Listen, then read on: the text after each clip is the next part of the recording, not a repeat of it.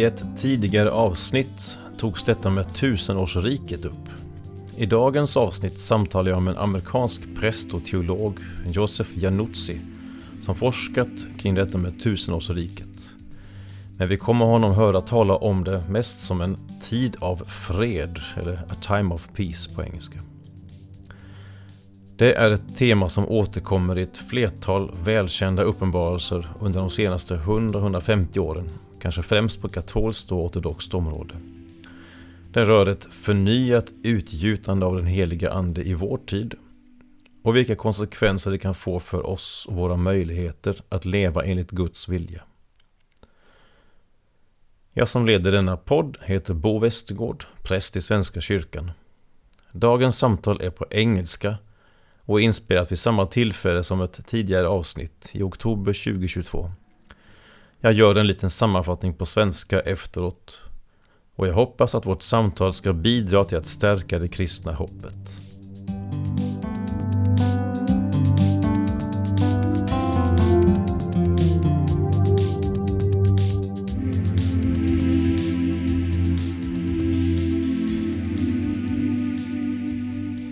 Welcome, Joseph. Happy to be here. We are together now in a retreat in Rhodos in Greece. We're standing in uh, my hotel room. And I know that you are a priest, a Catholic priest, a theologian, and working in the United States. What more? I'm a member of a commu- religious community and I help out in churches and I also assist in the promotion of the canonization of several mystics who have extraordinary gifts, like the stigmata, introspection, uh, prophetic revelation, and so on. I obtained my doctoral dissertation at the Gregorian Pontifical University in the year 2012 and before that, of course, five other postgraduate degrees related to theology. Yeah, and now, right now, you're working in the in New York. I'm right now in Michigan, in the United States, right, where I have a oratory hermitage until my next assignment. Yeah. One of the subject, subjects that you have addressed in your books, because you have a, a number of books behind you, uh, is what you would prefer to call the, the era of peace rather than what we otherwise call the millennialism. Yes. Uh, what brought you into that subject? Well, there was an apparition in 1917 that has been acknowledged by several Christian circles, including the Catholic Church, of which I am a member. And this apparition was of Our Lady of Fatima. That's the popular title by which this vision apparition occurred. And according to the three shepherd children, Lucia, Just, Uh, Francisco, and Jacinta, they saw a woman clothed in light appear to them in the fields tending the sheep. And there Our Lady spoke of an era of peace that she would give to the world in the future. So I looked into that, wondering what this meant, and that led me down the path of the writings of sacred scripture. The Acts of the Apostles refers to this in different terms. It says that Christ will give us a time of visitation, which was written after the resurrection, after the Pentecost day when the apostles received the gift of tongues.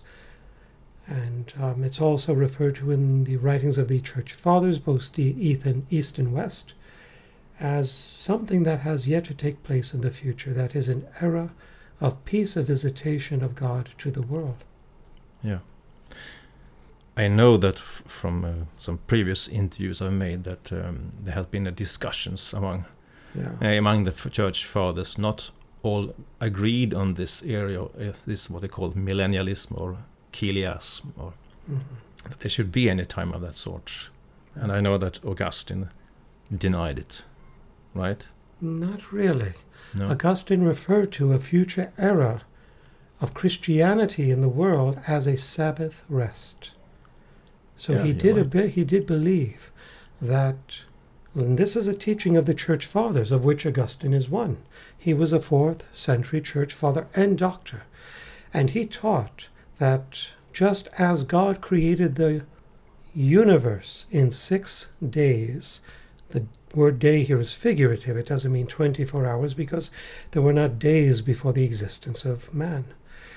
Just as God created the universe in six days and rested on the seventh, so man will exist on earth for 6,000 years, and God will rest with creation in the seventh millennium, the seventh day. Now, why do I say seventh millennium and associate that with the day?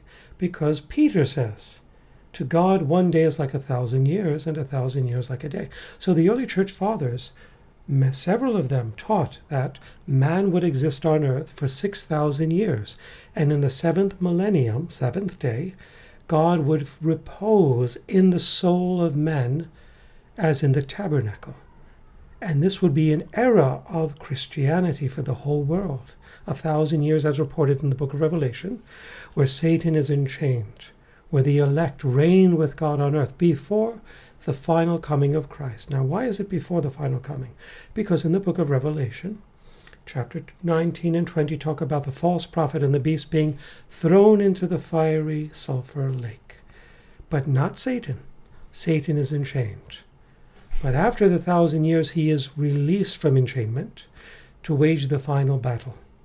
So during that thousand years, there's a peace on earth. But after his confinement, he is allowed to wage the final battle. Then Christ comes to defeat him and throw him in that fiery, sulphury lake with the false prophet and the beast.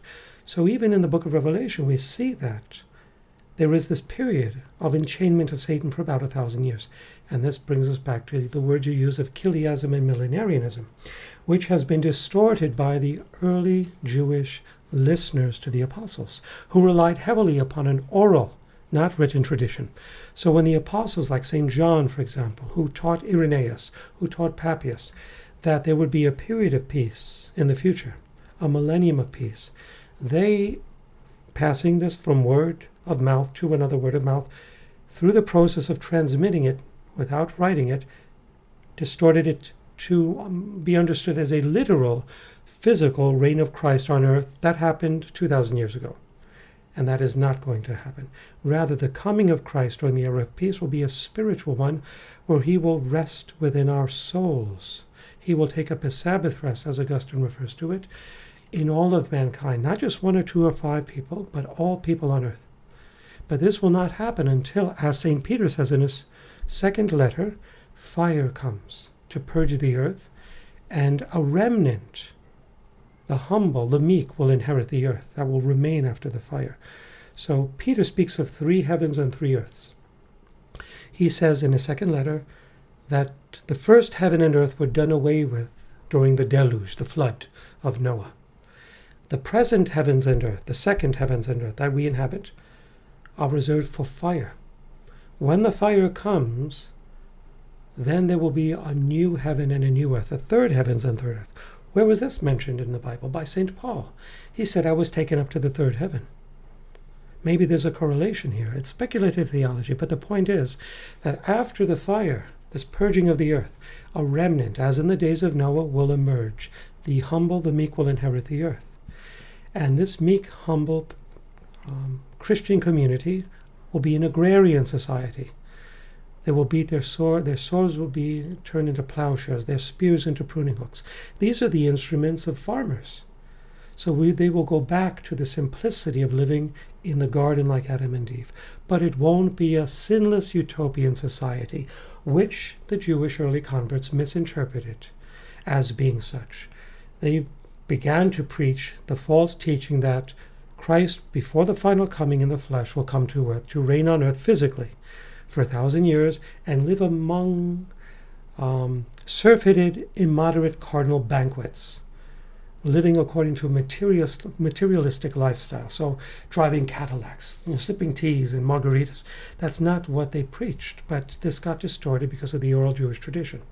The original teachings of the fathers, if you read them, and though, including Augustine and his contemporary Saint Justin, Saint Cyril of Jerusalem, and St. Bernard of Clairvaux from the 12th century speak of an intermediary coming of Christ that is invisible.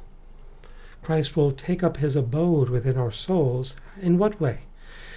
Christ, the Father, and the Spirit will respectively operate, not remotely as they do now through the operation of grace, but directly, with our consent, not without our consent, in the intellect, in the will, and in the memory, the three powers of our soul. So Christ will operate in the intellect of the soul, the Father in the will, and the Spirit in the memory. And in this sense, there will be an indwelling of the Holy Trinity within us. And this is the intermediary coming of Christ, where Christ will reign in us, fulfilling the Our Father prayer. Thy will be done on earth as in heaven. If the will of God was done on earth when Christ was alive, why would he ask for it to come? He said, Thy kingdom come, thy will be done. He didn't say, Thy will is already here. So, and, and for 2,000 years, Christian churches, Lutheran, Orthodox, Catholic, we have been praying this prayer every day throughout different time zones and countries, and it's going to be answered. His will will be done on earth as in heaven through this outpouring of the Holy Spirit. Why is it the Holy Spirit, not the Father or the Son? Because the Father created the universe in six days. The Son redeemed it after 4,000 years since the expulsion of Eden, of Adam and Eve. And now the Spirit is going to sanctify the earth. The Father creates, the Son redeems, the Spirit sanctifies. We are really living in a time of the Holy Spirit, I would say. I mean, the whole 20th century yeah. has seen a growing charismatic movement in different churches and so on. And also uh, in, in the messages of true life in God that we have we both share. The, the Holy yeah. Spirit is mentioned thousands of times, 5,000 references, I believe there are. So we are really living in. I, I, I, I believe really that there is a connection between the Holy Spirit and this time of peace, this era. But I need to return to this thousand years because in a, if we can say that the, the talk of uh, that the day is figurative, mm-hmm. then the thousand years also should be might be figurative. Absolutely. It so it's not 6,000 years literally, no. or the thousand years, the, the, the millennium. Neither that is. Uh, right. It maybe it doesn't have anything to do with time, basically. It is a prolonged period of time, and we know that from Scripture because in the Old Testament, the expression thousand is used mm. By the psalmist um, in reference in another book of Kings to David who killed thousands, tens of thousands, and Saul killed thousands. And um, also in the book of Revelation, the New Testament, thousand in the scripture represents a long period of time. It could be longer than a thousand, it could be shorter, but it's not going to be just a short stint in no. human history. It's going to be a long period of time. And again, going back to the teachings of the fathers, if the thousand years that Peter speaks about, which is like a day in God's eyes, symbolizes the six days of creation. And we are now in the sixth millennium. We just finished the sixth millennium. According to the biblical genealogies, Adam was created in 4000 BC, 6000 years ago. We are now entering within the, into the seventh millennium. Then it makes sense that it's going to be approximately a thousand years, more or less. Yeah. Yeah. It's interesting that we have a two thousand years, quite exactly from yeah. Jesus to now. Yes, actually. yes, and every two thousand years it appears God intervenes in human history. Two thousand years ago there was the redemption, the incarnation of redemption, sending forth of the Holy Spirit. Two thousand years before that, there was the cleansing of the earth, a deluge, right before the giving of the commandments. And two thousand years before that, there was the creation of Adam and Eve. So now we're at the end of another two thousand years. Yeah at least according to biblical genealogy yes, and uh, symbolic language. Right, well. yeah. right. Now that doesn't mean that Adam and Eve were the first rational beings here. Doesn't mean that, but it does suggest that they were the first humans. Certainly, there must there may have been other rational beings that were maybe not human, but nonetheless rational with bodies here. Yeah. That's all speculative theology. Yeah. Another thing that uh, I had I was talking with Vassula in the, the previous program was about the uh, coming returning of Christ which in the messages that she receives, that I believe that she receives, doesn't mean the final coming of, of Christ. Right. And I don't know exactly how to explain how it is possible to talk about a second coming of Christ without meaning the final coming. All right, let's go to the book of Paul, the New Testament, inspired by God, the book of Ephesians. In Paul's epistle to the Ephesians, he said that Christ cannot come again unless the church is worthy of espousing him. So the church must, he doesn't say may, he says must, present itself, meaning all the members of the body of Christ that are baptized, regardless of their denomination, they're all baptized. They must be in a state that is without blemish, stain, spot, or wrinkle. Only then will Christ come and espouse his immaculate church. Paul uses in um, Greek, koine, the word immaculate, amomos. And that means that the church has to be immaculate for Christ to come back and espouse it. This is the book of Revelation also, chapter 21 and 2. Christ comes to for the the, the wedding feast of the bridegroom, who is Christ, the head of the church, and its body, its members. But this cannot happen unless the church is in a, an immaculate state without sin.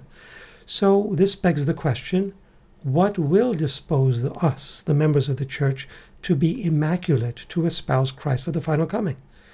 The universal era of peace, where the Holy Spirit outpours his gifts upon all of its members, leading them through a process of divinization, beginning with purification, repentance, leading to illumination, knowledge of God's will, to unification, doing God's will, to divinization, becoming little gods by participation. And this process of four stages of purification, illumination, unification, divinization is all the work of the Holy Spirit in these end times to prepare the body of Christ to become worthy of this espousalship that will happen when he returns in the flesh. But still, how can we talk about the, the, the coming, the return of Christ now? We have to be careful of the word return. We have to be careful because when someone says return, it is open to be understood as the final return. So we have to be careful to qualify what return is. When we say coming, that is more appropriate than return, I think, but that's just my own way of expressing theology according to certain defined terms. Coming can occur at baptism, the coming of the Holy Spirit, can come at when you receive the outpouring of the gifts of the Spirit. It can be when Christ has this universal outpouring upon the apostles at Pentecost. It could be a new Pentecost when there's this outpouring upon the whole church. And it could be the final coming of Christ. So you see, coming applies to different interventions of God in human history, and that's okay. But when we use the word return, we have to qualify is this the definitive final return in the flesh? that Paul speaks about in Second Thessalonians, and the blinking of an eye, and the sound. What is, I think it says the sound of a trumpet, the twinkling of an eye. We will be caught up with Christ to meet him in the clouds. Or is this rather in human history, where he's not physically returning? So I, yeah, that's I would re- prefer coming to final return. yeah. Yeah. I have been t- talking about these things in previous programs as well as that you can see the Eucharist as a kind of returning or coming of Christ as well every time you cele- celebrate the Eucharist. I know that you wrote your doctor your dissertation about a certain uh, mystic uh, who received a certain gift. yeah. Please explain this because it has Yeah. to do with this. It does indeed. At the end of the 19th century, there was born an Italian mystic who was very uneducated. She only had a first grade education by the name of Luisa Piccarreta. She was born in southern, southeastern Italy, in the region of Puglia, in the city of Corato, and she was a contemporary of the famous stigmatist Padre Pio. And uh, he referred to her as the little angel of Corato, the city in which she was born. I, I did my doctoral dissertation on her writings because she received messages from God on the outpouring of the Holy Spirit reserved for these end times. So, in her writings, there's no question that we are living in the end times. The end times does not mean the end of time, it means the end of the times of the reign of the human will. The end of the times of the reign of the human will. And that means that for 2,000 years, Satan, as St. John's Gospel reports, has been luring us, tempting us through the world, the flesh, and the eyes. When Satan is enchained, he won't be able to do that. We will still be conceived in original sin. We'll still need baptism during this era of peace. We will still need the assistance of God's grace in our lives. It will not be like in Eden, where Adam and Eve had no, let's say, promptings of the flesh. But because Satan will be enchained, sin will be greatly modified on earth. Um, Luisa, therefore, was given revelations by God of what this future era will be like, and she was given a new gift that Adam and Eve enjoyed before sin, that Jesus and Mary enjoyed who knew no sin, and that is reserved for the future. But God has begun to outpour this upon individual souls who are disposed to receive it. Now, when I say Mary knew no sin, what I'm talking about is a Catholic belief that God, like St. John the Baptist, St. Joseph, in the womb was preserved from being born from original sin, right? And she, in her writings, was told, according to her, by Jesus, that the Holy Spirit has given her this gift of being united with the will of God in the same way that Adam and Eve were before sin. But with this difference, she could still sin like Adam and Eve could, as we know they did, but that her union with the will of God is identical to that of the angels and saints in heaven in the beatific mode, who cannot sin. So she's enjoying on earth the same intimacy with the will of God as the angels and saints in heaven who cannot sin, while she on earth can sin. Okay? And this gift I find also in the True Life in God messages. It's a new outpouring of the Holy Spirit. Now, why is it why has it been reserved for these end times?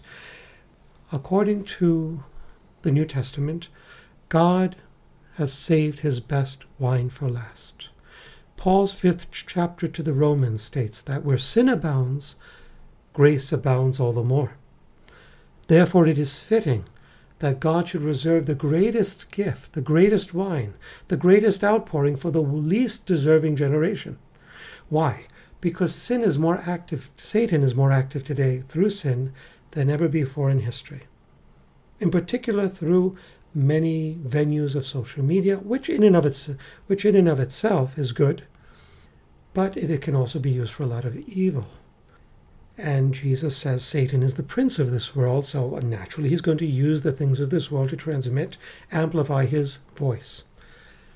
So God has chosen this generation, which is the most undeserving, to receive the greatest outpouring of grace.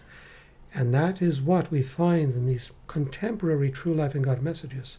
God is calling us to be espoused to Him, to be His bride Remember, the soul is understood as the feminine and God as the masculine. Even in Latin, the word soul is feminine.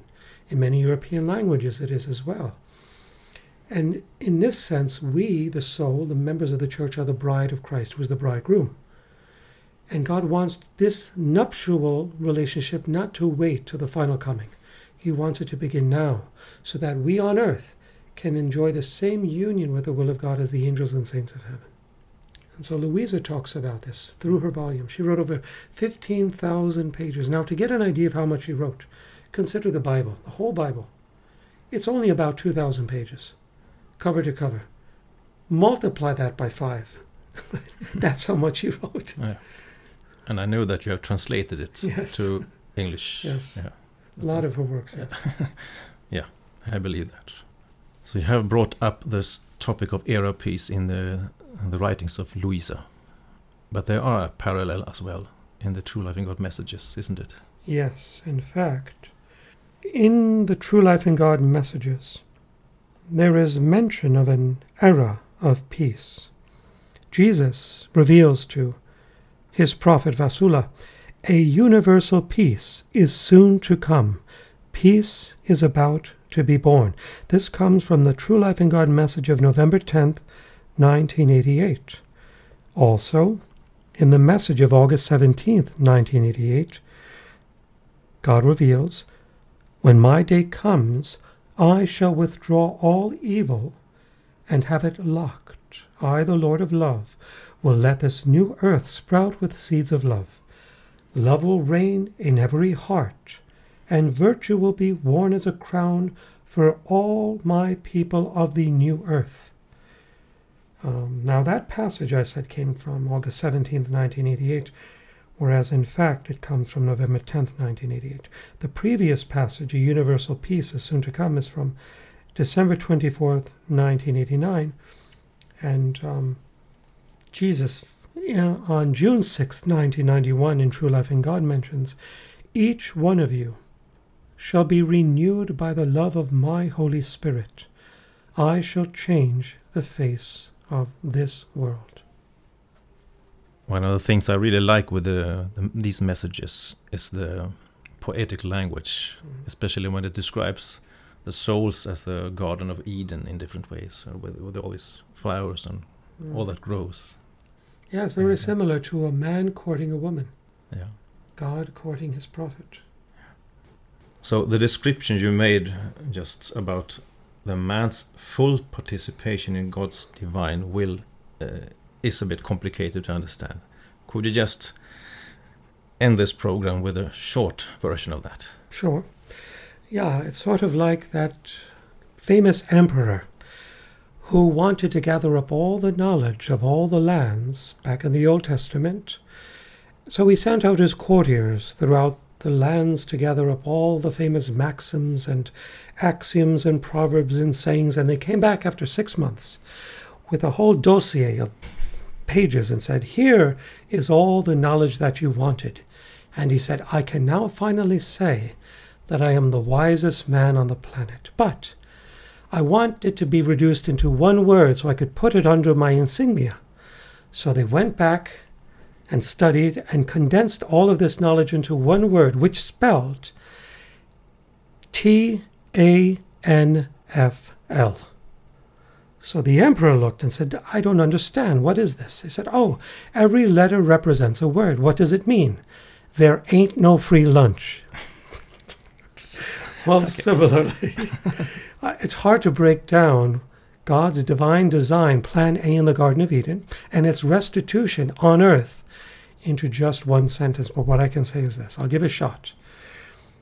We, we are living in plan B, but we're en route to plan C. Plan A was that man and woman should never sin in the Garden of Eden. And we should have all been conceived in Eden and lived happily ever after without any suffering, without any death, without any taxes, without any oppression, without any restrictions, because everything that Adam and Eve enjoyed in Eden was without any toil. Everything was easy, and that's the way it was supposed to be. But God wanted from them proof of their love he wanted them to pass a test of loyalty, as he asked the angels to pass a test of loyalty, by going along with his plan that the second person of the Trinity would become a human and not an angel.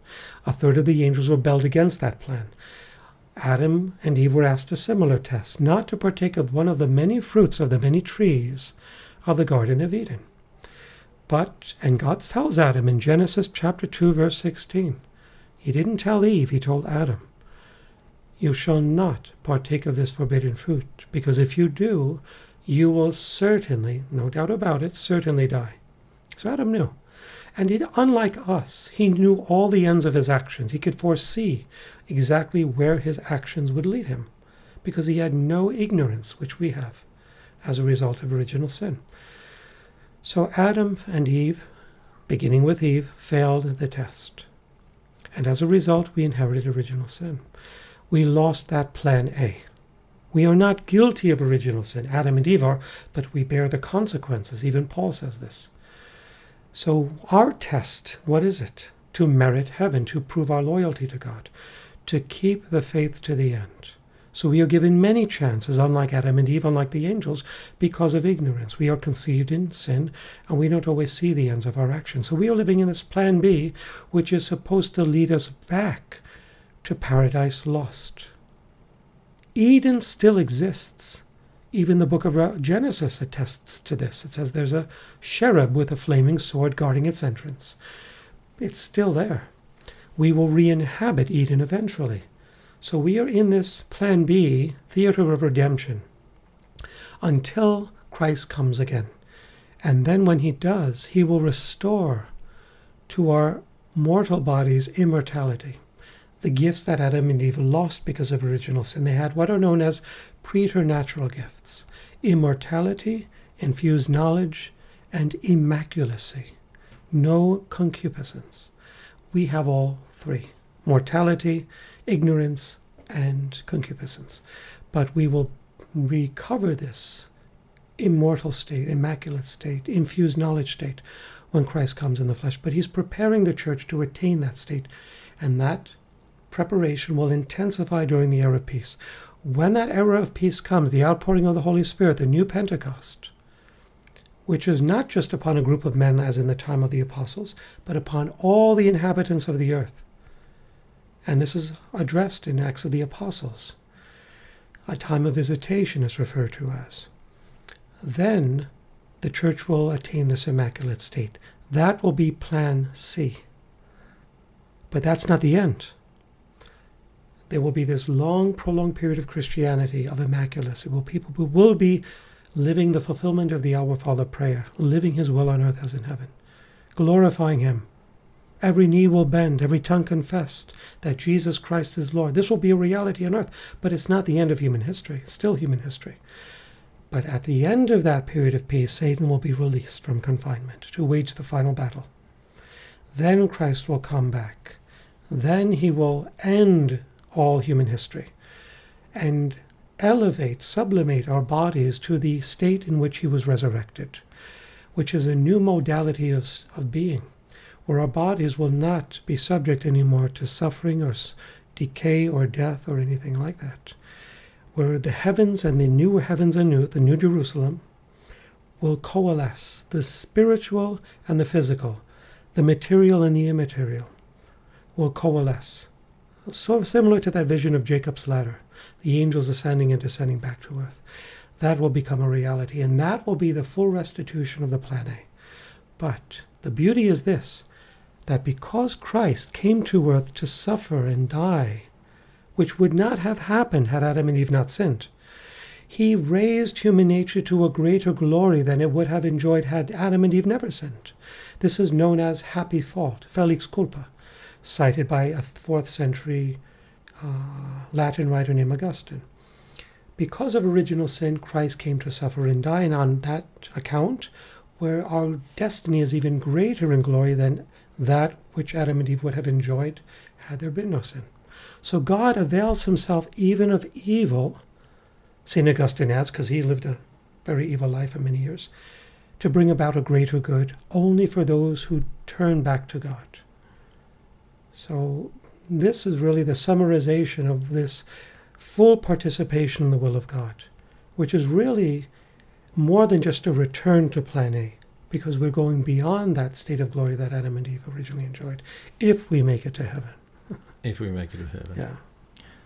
It was maybe more than just a few words, but it was another way of describing the same thing that it could be very helpful. Yeah, uh, yes, but the net, next tricky question is when will this happen? Jesus said, Only the Father knows the day and the hour. Okay, this all, always the same answer. well, the thing is, we don't have to know. Why do we have to know? No. I mean, what's the practical relevance in that question? Why do we have to? If we, even if we did know, I don't think it would change much. I mean, remember that that parable of Jesus of Abraham and Lazarus, the beggar who wanted to eat the scraps off the rich man's table, and the rich man is found in a place of torment, and he asks Abraham to send a prophet to warn his children that they don't end up in the same place as he. And what does Abraham say? Even if they rose from the dead, they still won't change. So, what, what, what's the point of my using this as a reference? I believe that even if we knew the day and the hour, it wouldn't change anything in our practical lives. And that's why God, I believe, has chosen not to reveal it to us, because it really won't have much of a change in our lives, these things. God wants us to live every day as if it's our last. The only thing I am thinking of here is that we, it is a hope we are talking about. This Mhm. new thing that God is revealing to us is a new hope. And how long shall we wait for this hope? How long do we need to endure here? The book of Revelation, chapter 6, verse 9, addresses that. Answer. In heaven, there were these people that were martyred for having shed their blood in witness for Christ, beheaded, to be more precise. And they're complaining, as it were, in heaven to God How long will you wait before our blood is vindicated? And God tells them, You must wait until the quota of your brethren is complete What is quota? until the number is filled that has been predestined by God. Okay. The number of which only God knows. So they were asked to wait in faith. Not even they weren't given the answer as to when that would happen. So if they're not told in heaven, we're not going to be told on earth. Okay. okay. Thank you very much. I'm, I'm, I'm very glad to, to, that you have shared this with me and taken this time also. Thank you.